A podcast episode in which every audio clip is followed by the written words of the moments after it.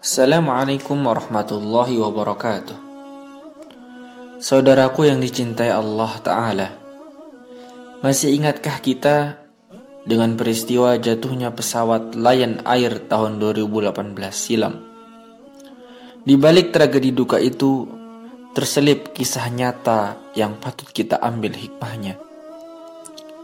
Sony calon penumpang pesawat tujuan Pangkal Pinang pagi itu terlambat lantaran terkena macet di perjalanan.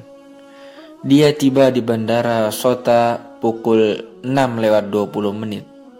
Sedangkan pesawat dijadwalkan take off pukul 6 lewat 32 menit. Akibatnya dia tak diizinkan naik dan tiketnya hangus. Sebagai manusia biasa, tentunya Sony merasa sedih dan kecewa.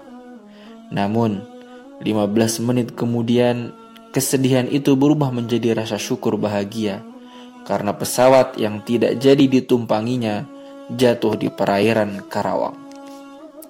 Saudaraku yang dicintai Allah Ta'ala, terkadang ketetapan Allah pahit menurut logika kita.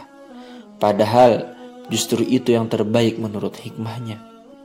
Jangan mengutuk diri apalagi menyalahkan orang lain ketika mendapat kesulitan.